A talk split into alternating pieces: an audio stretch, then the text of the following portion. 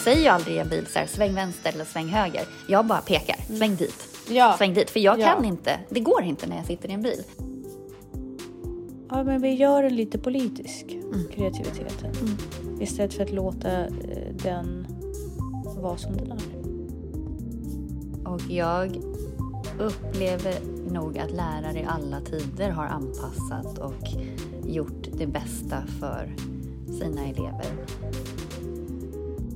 Och det jag tänker på det är att vi har försökt inkludera elever eh, med både NPF och eh, även i andra typer av eh, funktionsnedsättningar i vår, sko- i vår skola, eller så att säga i den norm- normativa skolan.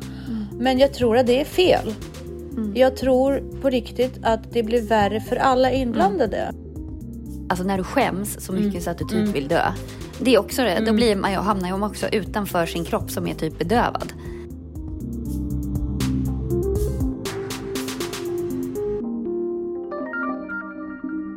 Så, hej Jessica. Hej Tanja! Hur är det? Jag sa precis att det, var, det känns som att det var så himla länge sedan jag hörde ifrån dig sist, fast det var en vecka som vanligt. Men jag är så posttraumatiserad av min uppkörning. Ja, gud, berätta äntligen!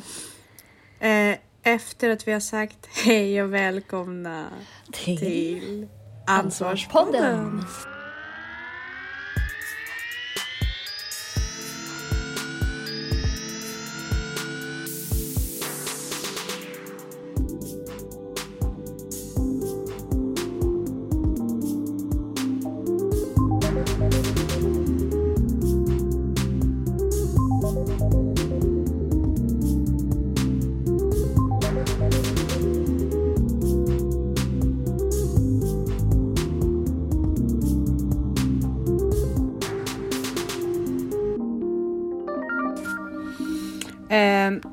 Jag klarade det sjunde gången.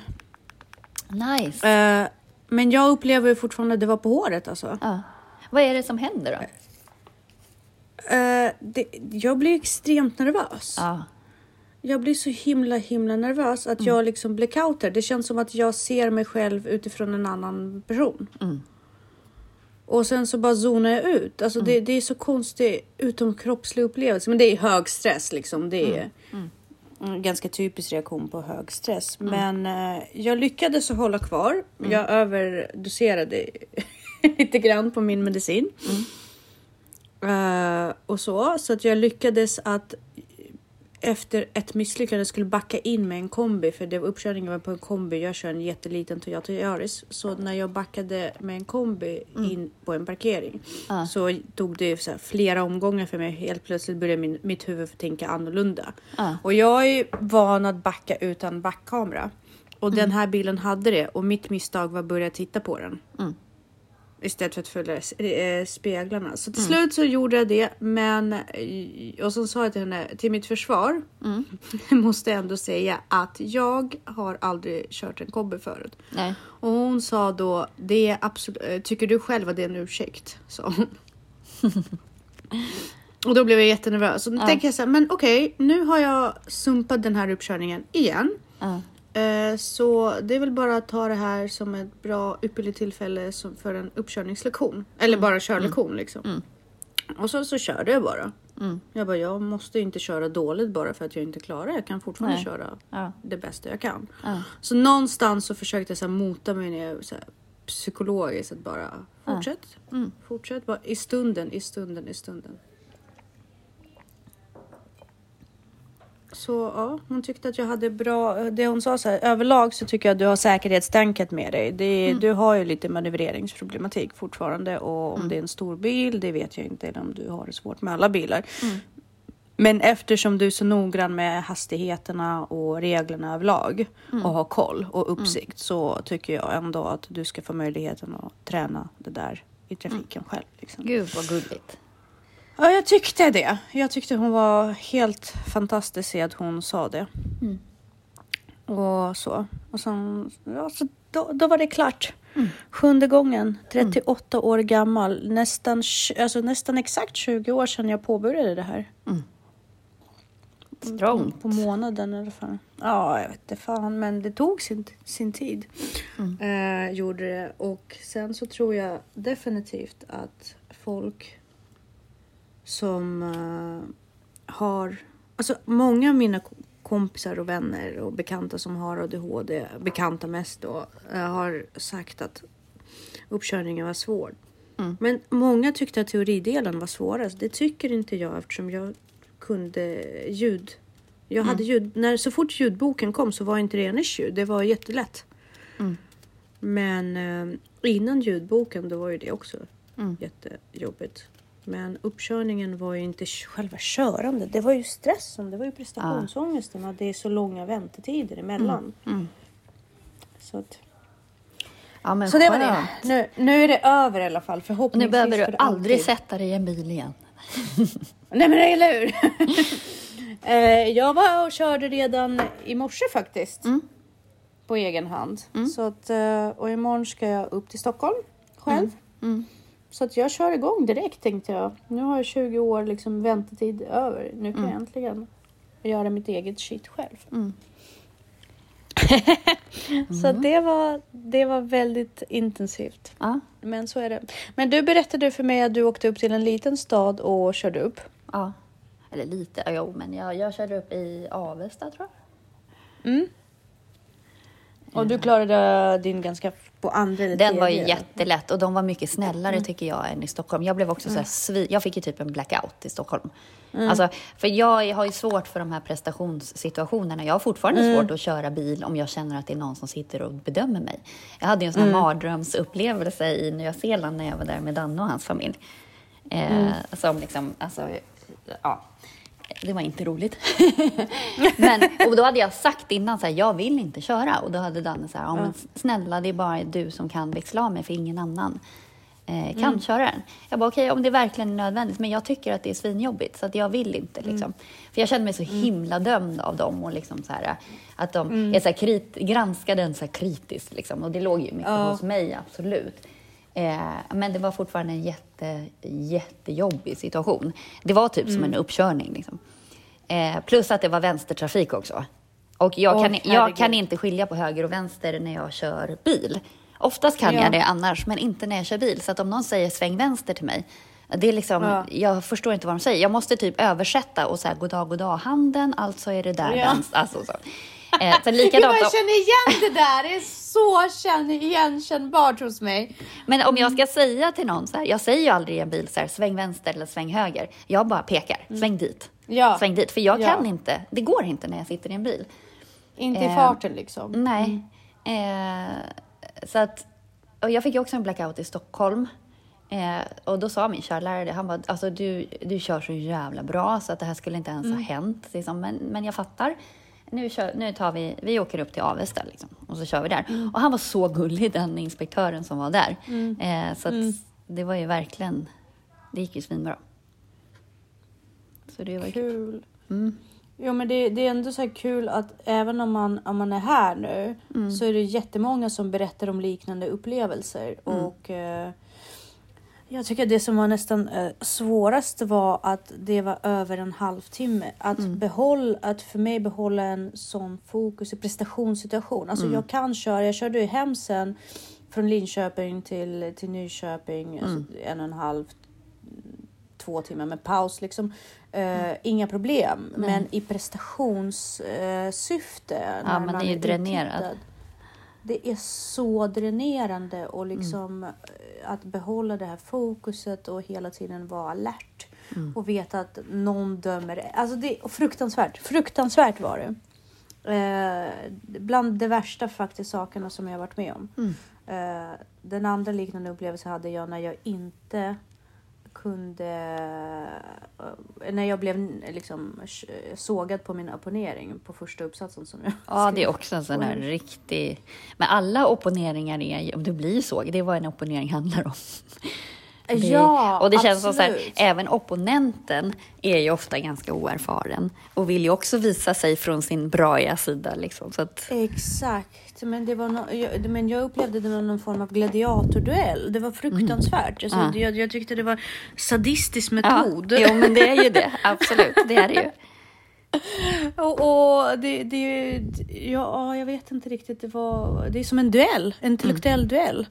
Uh, jätteintensivt och jag blackoutade helt. Det var också en så här just hög stress, uh, utomkroppslig beteende, uh, Mm. Ja, upplevelse ja. liksom som jag absolut inte, uh, som påminde väldigt mycket om det här uh, som hände nu. Jag, jag förstod nästa, jag vet att det kanske är lite överdrivet, men i min, jag, jag tror jag förstår, förstår när man ser eh, disembodied, Ja, vissa traumatiska situationer Gud, när ja, folk, ja. när psykologer pratar om, Ja. jag vet inte jag kommer inte eller jag vet faktiskt inte vad det heter på svenska. Jo, men det är alltså att man, en utomkroppslig upplevelse, att man liksom frigör sig. Att man liksom, Jo, men Mm. det är alltså chock och trauman och så. Alltså det blir ju så. Och det är ju en, alltså det, det är likadant som när du gör bort dig, alltså när du skäms så Mm. mycket så att du typ vill dö.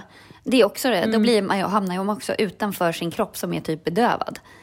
Eh, och när man tycker att man gör bort sig, liksom om, vi har ju pratat om det tidigare, liksom, om när man, Exakt. om det händer någonting som man verkligen håller på att dö av skam, då blir man ju Mm. helt paralyserad.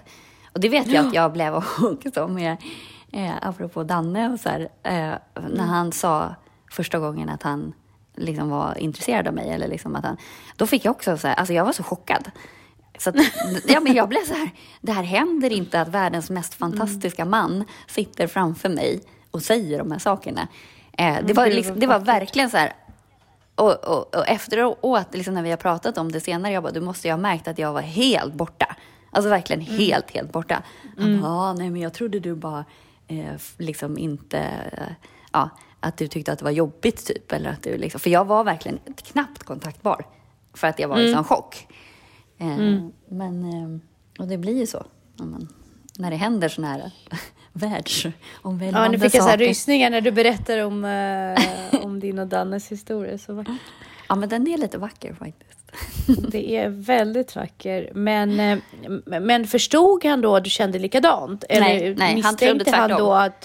Nej, han- Aha, ja, det det jag tänker att din reaktion kanske fick honom att tro att du inte alls... Att du tyckte att det var obekvämt för att du Ja. inte kände detsamma. Ja. Men gud. Ja. Fick, han, fick han sitta där länge innan du sa ja men jag känner likadant nej, eller? nej, men jag trodde att han... Nej, men jag var i så chock. Eh, så att eh, jag försökte nog säga så här, men detsamma liksom. Eller så här, att gud. Ja. Eh, men han, han hörde inte det. För att han var så inställd på att jag... För han var mer så här, hon är inte intresserad av mig, men jag måste säga det här. För att liksom få det ur mig. Eh, Gud, och sen, sen hade han, typ, det var hans, så att jag var tvungen, alltså jag skrev ett mejl till honom sen, för jag, jag eh, uppfattade ju själv att, att jag var lite konstig liksom.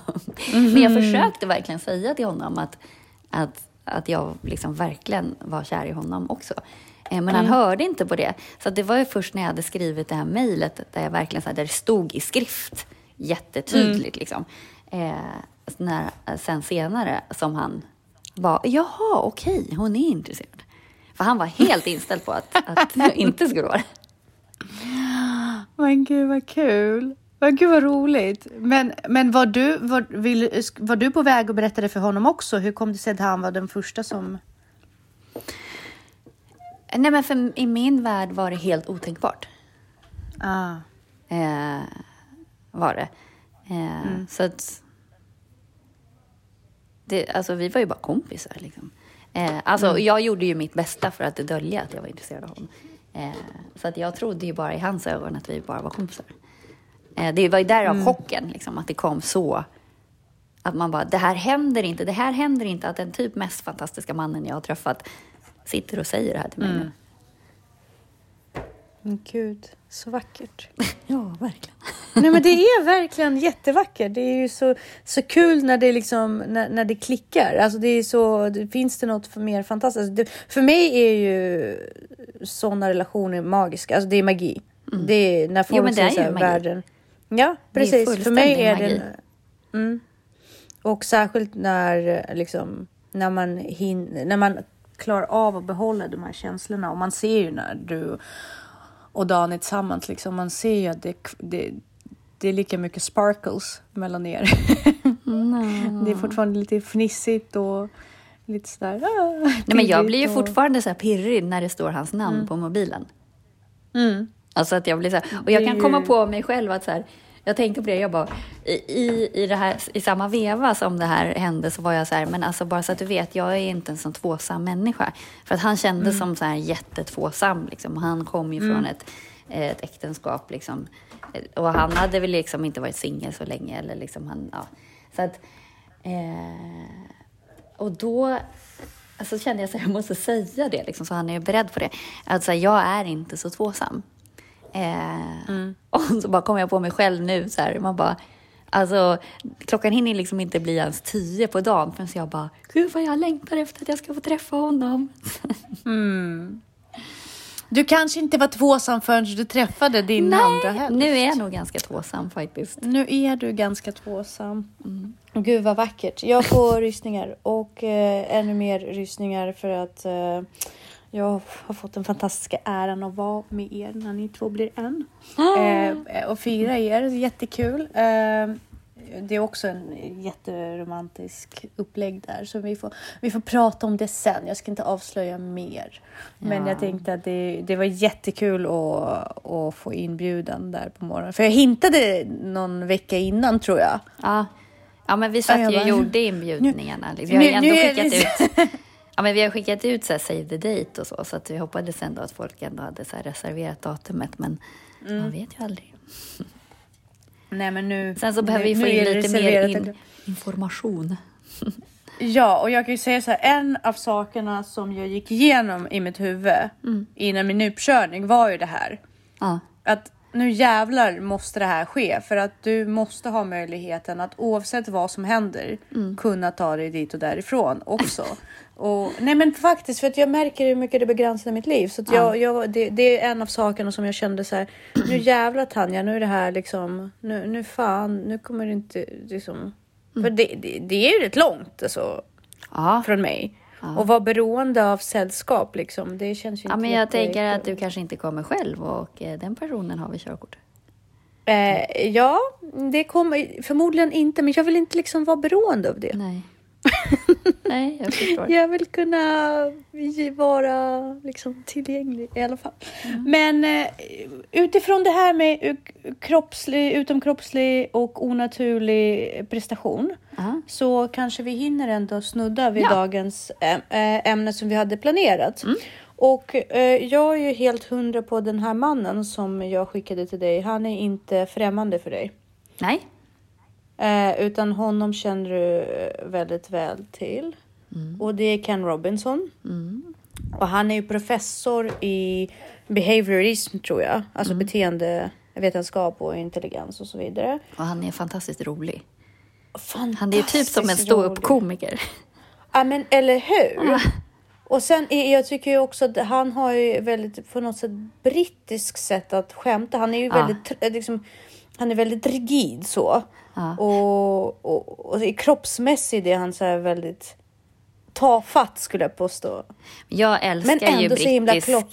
humor och jag älskar ju också... Ja, ja, ja men jag menar det, han är ju väl- Eddie han, Izzard. han påminner ju om, eh, vad heter det, om hotellet med Ja, Basil. ja men precis. Eh, Fawlty Tower. Ja, precis. Det påminner väldigt Ja, mycket. gud, När ja. han pratar och hans skämt är ju väldigt... Men du har typen. sett Eddie Izzard va? Ja, gud ja. Ja, han är ju, Eh. han är ju, det är ju liksom, eh, ja, eh, Monty Python. Men han var ju med i Monty Python. Nej, nej, nej, det var han inte. Men, men de har ju sagt själva att han är Monty Pythons typ femte eh, lost member liksom. Jaha, för jag var helt hundra på att han var med på Nej, Monty men Python. man tror det för att han är ju Ah, Monty Python gud. typ. Ja, ja, men ja, men absolut, alltså helt otroligt. Men, eh, och då påminner ju Ken Robinson väldigt mycket om honom. Mm. Och det gör ju att man är, man är ännu mer angelägen om att lyssna på honom. Mm. Eh, för han har ju väldigt eh, stor appeal liksom just när han pratar om, eh, om sitt ämne. Och han pratar om kreativitet i skolan. Mm. Och jag och, eh, tyckte att det var väldigt spännande och fantastiskt hur han pratade om det. För just nu när jag jobbar i, då som lärare och har i dagsläget liksom barn i min klass som verkligen skolformen är inte anpassad för. Så finner jag att jag varje dag slaktar lite av deras personlighet. Genom att tvinga på dem skol normerna, kan man säga så? Skol, skol, mm. läroplanen, eller skolformen. Inte skolnormerna, inte läroplanen, inte kunskap i sig, men skolformen. Vad känner du inför skolformen som vi har? Ja, alltså, ja, vi har ju den skolform vi har. Eh, Men sen tycker jag att vi har ju alltid haft... Eh, den är ju fri, mycket friare nu. Den blir ju friare och flummigare och flummigare och flummigare. Eh, Och jag upplever nog att lärare i alla tider har anpassat och gjort det bästa för sina elever. Sen är det klart att det alltid har funnits elever som har suttit under en bänk och betett sig normöverskridande om man säger så. Eh, men jag tror inte att de... Eller jag, jag, de blir ju snarare fler och fler. Eh, så att jag tror inte att... Jag tror egentligen på ett sätt att det var bättre förut faktiskt. Det låter lite så här klyschigt. Eh, det var nog bättre förut för fler, tror jag. Eh, för att anpassandet, på samma sätt som det inkluderar några till, så exkluderar det lika många i andra änden. Eh, Ja. Så att... ehm, ja, eh, och sen så tyckte jag det var väldigt spännande det här med som han pratade om kreativitet. Någonstans så, alltså han har ju rätt. Jag kan också hålla med. Jag tycker att det är synd att man inte har eh, drama till exempel. För att det, det är så viktigt i form av självkänsla och skulle gynna klimatet i skolor mycket, mycket mer. Eh, och, men det, det är klart att skolan måste fokusera på saker, om man ska vara rent krasst. För att garantera att invånarna har en utbildning så måste skolan kompensera först och främst på det som är viktigast att kompensera. Och matte och språk kanske är det som är svårast att kompensera. Däremot så kan man så här, idrott kan du hålla på med, musik kan du hålla på med. Eh, så att jag förstår att, att de praktiskt-estetiska ämnena kommer i, i andra hand. För skolan kan inte kompensera med allt. På samma sätt som att idrottsundervisningen i skolan ska inte vara till för att det är där de ska få sin fysiska aktivitet. Utan Precis. de ska få en idrottsundervisning. De ska presenteras för många olika aktiviteter så att de hittar någonting de gillar som de kan fortsätta med själva. Det är inte där de ska få sitt primära fysiska eh, sin fysiska aktivitet. På samma sätt som att i skolan måste du få matte förklarat, för du kanske inte kan få matte förklarat någon annanstans. Eh, så att där tror jag att man bara får, men skolan kan inte ge dig allt. Och någonstans, du har ett ansvar som förälder. Att ett, ett barn behöver allt möjligt. Sen så är det klart, kommer du inte från en kreativ familj så är det klart att du inte... Men man dör inte av att inte... Om man tittar... Alltså det har alltid funnits kreativa människor och de har, fått, de har löst det. Liksom, att, jag tror att det är lättare Precis. att lö, lösa sitt, sitt utlopp för kreativitet än för till exempel matte. Alltså det är svårare att intressera sig eller liksom göra matte men det är lättare att dansa eller lätt, kreativ, alltså kreativa aktiviteter är ju mer lättillgängliga i samhället ändå. Samtidigt som vi kanske... Du har ju rätt i det där, liksom, man kanske borde se över hur skolan är utformad. Men jag är inte säker på att jag håller med om det här fria fallet som skolan håller på med just nu. Åh, att gud, det blir nej. flummigare Gud, och flummigare och flummigare. Då Ja. får man ha undervisning, alltså det måste ändå vara uppstyrt alla saker. Exakt. Jo, men jag, jag, jag, precis. Och det jag tänker på det är att vi har försökt inkludera elever eh, med både NPF och eh, även i andra typer av eh, funktionsnedsättningar i vår, sko- i vår skola, eller så att säga, i den norm- normativa skolan. Men jag tror att det är fel. Jag tror på riktigt att det blir värre för alla inblandade. Ja. Det gör inte vi- att vi respekterar varandra mer. Det Nej. gör att vi ser varandra mer som hinder för, för vår utveckling. Eh, för i dagsläget så kanske man har tre, jag kanske har tre elever i min klass som faktiskt lider av allt som händer. Och alla anpassningar som sker runt omkring dem. Eh, därför att de, de kan mer.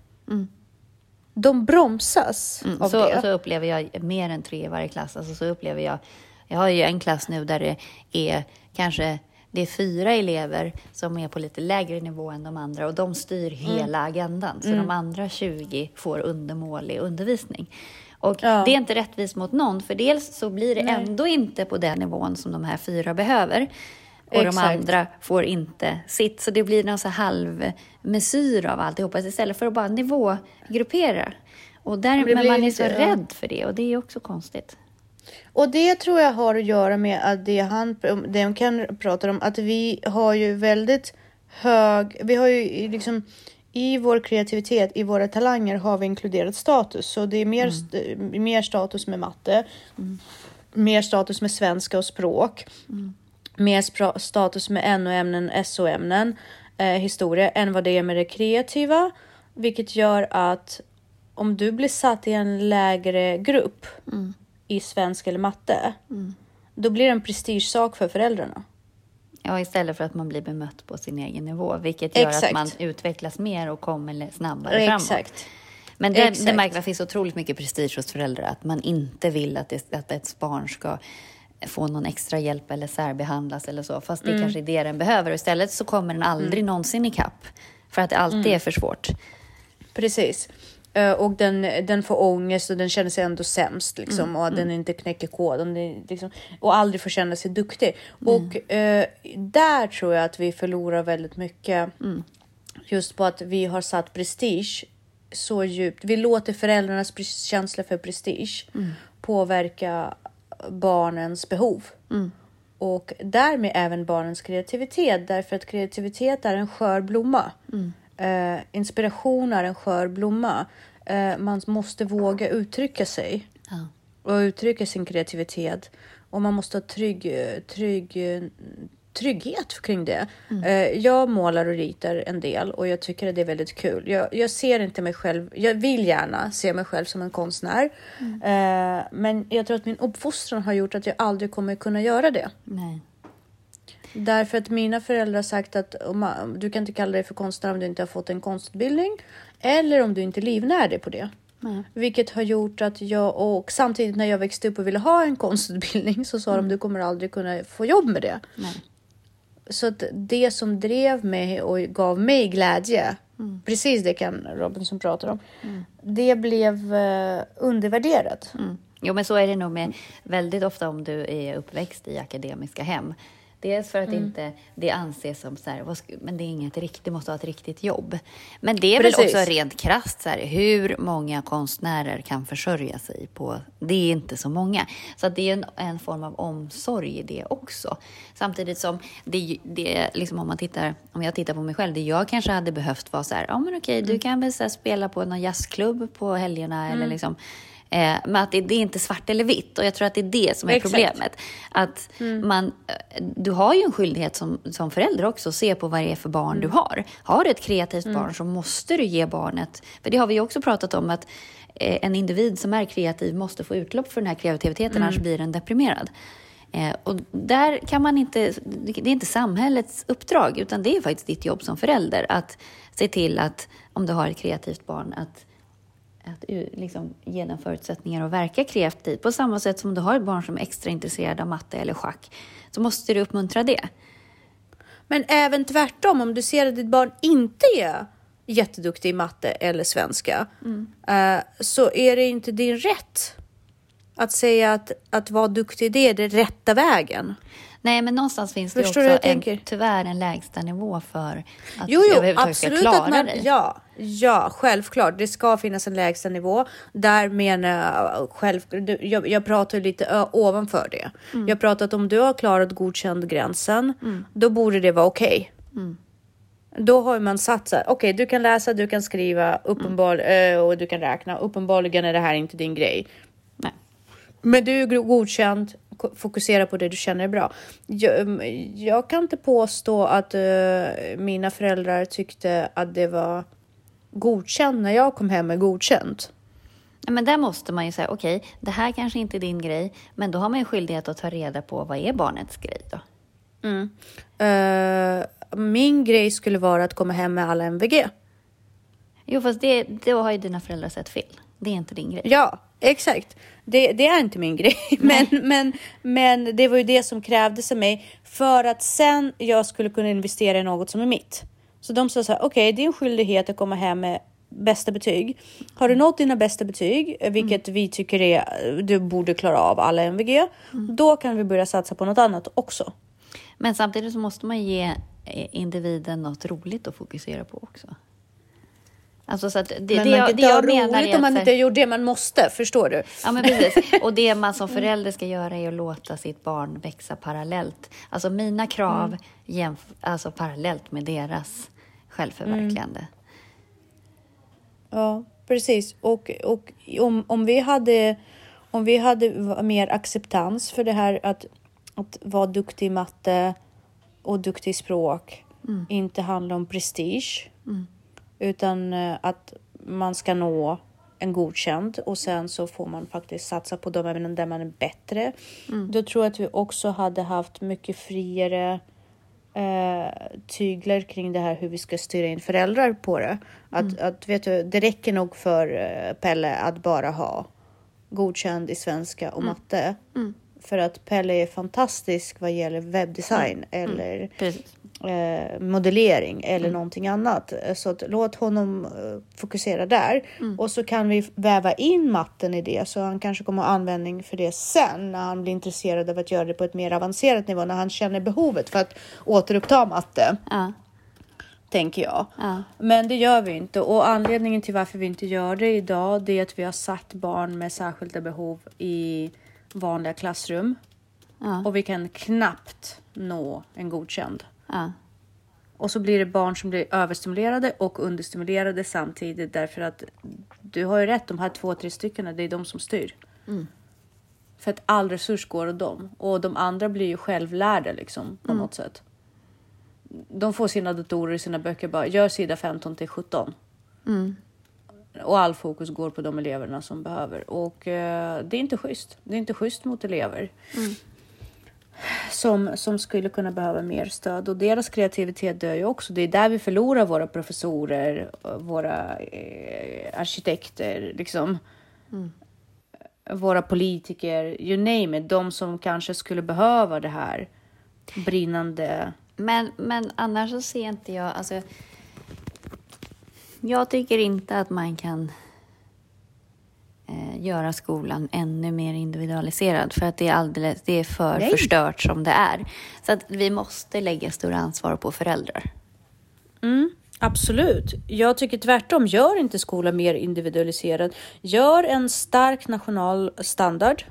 Men där har vi ju faktiskt en fantastisk, något som är väldigt unikt för Sverige och det är ju kommunala musikskolan. Mm. Absolut. Där har ju verkligen alla och, fått. Och även att vi har mycket teatrar och vi har... Och många kommuner erbjuder väldigt mycket konst också. Mm. Mycket ateljéer, mycket kreativa verkstäder, mycket, mycket sånt eh, som mm. är lite mer eh, bild och form. Mm. Eh, det finns. Vi har någonting som heter Lava i Stockholm Mm. som är väldigt rik på utbud av mm. olika typer av från 3D-printer till, till mm. annat.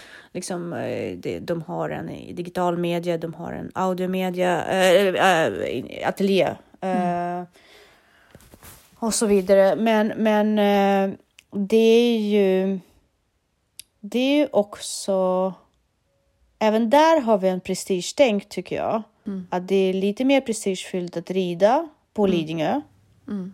än vad det är att gå till Lava och få del av gratis mm. incitament, statliga mm. incitament. Okay. Som kanske inte liksom klingar lika bra när man mm. pratar om det. Ja, min, mm. min unge åker till T-centralen till Lava varje eftermiddag för att göra digital design. Det är lite tråkigt att vi har satt det här eh, hierarki på kreativiteten. Mm. Uh, och att vi på något sätt försöker tygla... Ja, men vi gör den lite politisk, mm. kreativiteten. Mm. Istället för att låta uh, den vara som den är.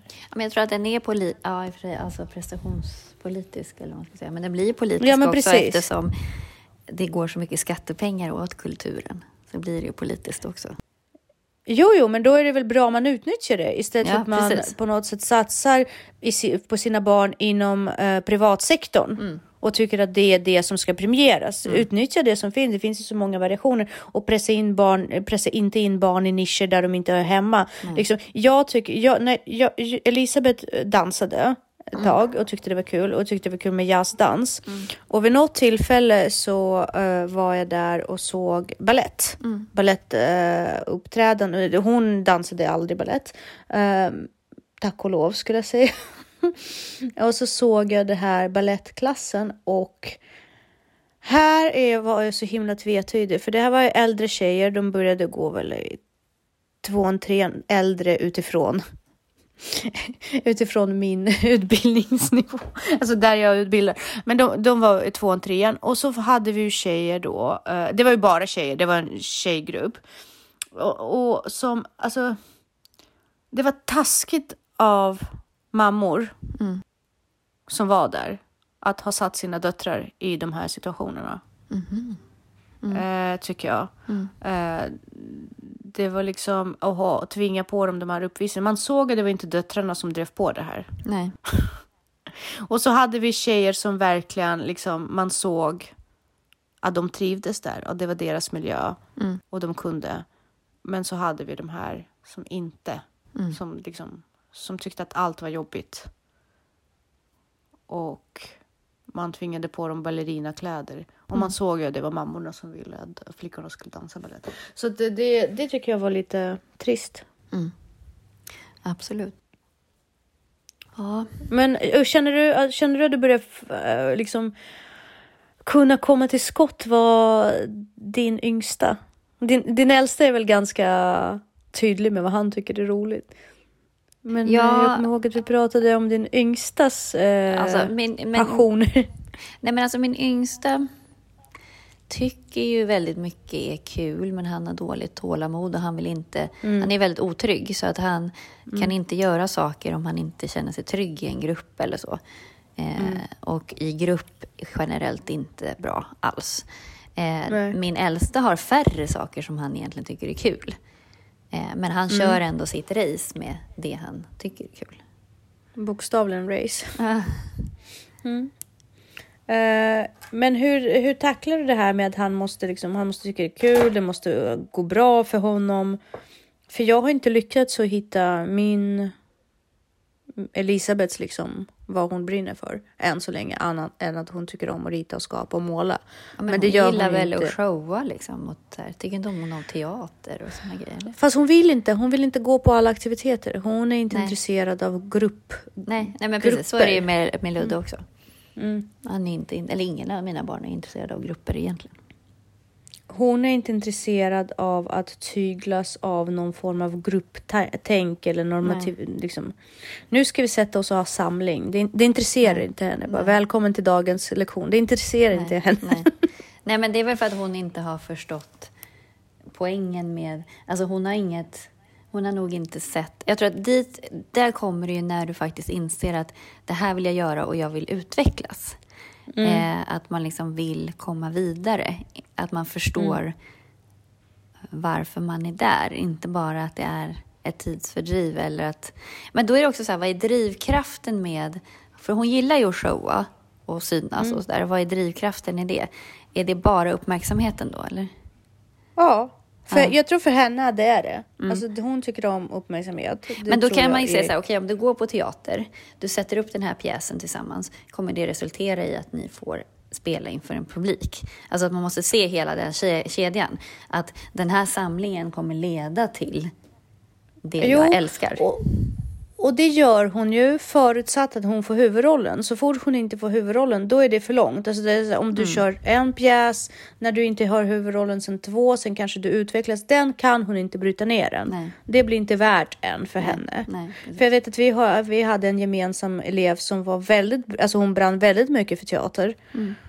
Och eh, för henne var det värt det. Hon tyckte om världen av teater. Mm, precis. Liksom hon tyckte om kulisserna och hon tyckte om den spänningen och det var okej. Hon Ja, men då är det inte bara en grupp. uppmärksamheten, utan då är det ju Nej, precis. Då är det konst, av- konst ja, ja, precis, konsten. Och att gå in eh, i en av det. roll och vara någon annan. Och så. Exakt, exakt. Den här flickan eh, som är min dotter, hon gillar ju bara om att stå i centrum och jag tror att där behöver hon liksom tygla det här att eh, varför behöver hon det här stora behovet att hela tiden synas och höras för det första. Och eh, som är en nog en psykologisk grej som vi får grotta i och bygga relation och sådär. Och sen så det här med, jag hoppas verkligen att hon kommer göra något eh, som är konst relaterat till konst sen. För att jag tror att hon kommer ha tålamod uh, att hålla på med det. Men jag tror inte att det är förrän universitetet, egentligen högskoleutbildning, som hon kommer kunna förstå varför hon måste utbilda sig inom det. Nej. Så jag kommer inte kunna tvinga på henne någonting som har med det att göra. Annat än hon sitter hemma själv och målar fram tills dess. Mm. Men jag försöker, Gud, vet att jag försöker. Ja. Nej, men det är inte så lätt. Men eh, Ludde har, har börjat visa, han har ju intresse för att eh, träna har jag förstått. Alltså han tycker det är kul. Ja, från Och och till. Liksom. Jo, men det gör han ju. Men Ja. vardagsrörelse, alltså Ja. när du, när du liksom lite mer eh, med att nu tar vi en promenad och sådär, vardagsmotion. Mm. Får du till det med honom? Alltså, vi har ju ett kontrakt, så jag tvingar honom. Okej, och Men vad, han- vad är belöningen? Alltså, han har ju skapat belöningen själv och det gjorde han för typ ett och ett halvt år sedan när det här kontraktet skrevs. Eh, Så belöningen är lite så här gaming-saker och, och så. Som han får för att han utför vissa fysiska... Mm. Får man fråga var du lägger ribba veckovis på honom? Alltså, han ska göra något varje dag. Mm, något fysiskt? Ja, I 20 så att- minuter, en kvart? Ja, eller? typ. Ja. Mm. Så det är antingen att, jogga på löpbandet eller så har han några appar med något träningsprogram. Och, Mm. Och nu, det blir inte exakt varje dag, det blir det inte. Men Men är du noggrann med det här med eh, att eh, säga ifrån när han inte har gjort något? ja, absolut. Måste ta och lära mig lite av det också. För att jag menar kreativitet i all ära och det handlar också om disciplin. Det är inte alla ungar som har disciplinen även om de får möjlighet att utöva precis vad de vill. Nej, nej, gud nej. nej men det, det är väldigt... Det är det som är problemet. Men det är ett annat avsnitt tror jag. Ja, precis. Ja, Ehm, Men du, vad blandat kompott det blev ja. idag. Men väldigt kul ändå. Jätteroligt att uppmärksamma din och Dannas vackra historia. Som vi får, jag hoppas att vi får höra mer bitar av det allt eftersom.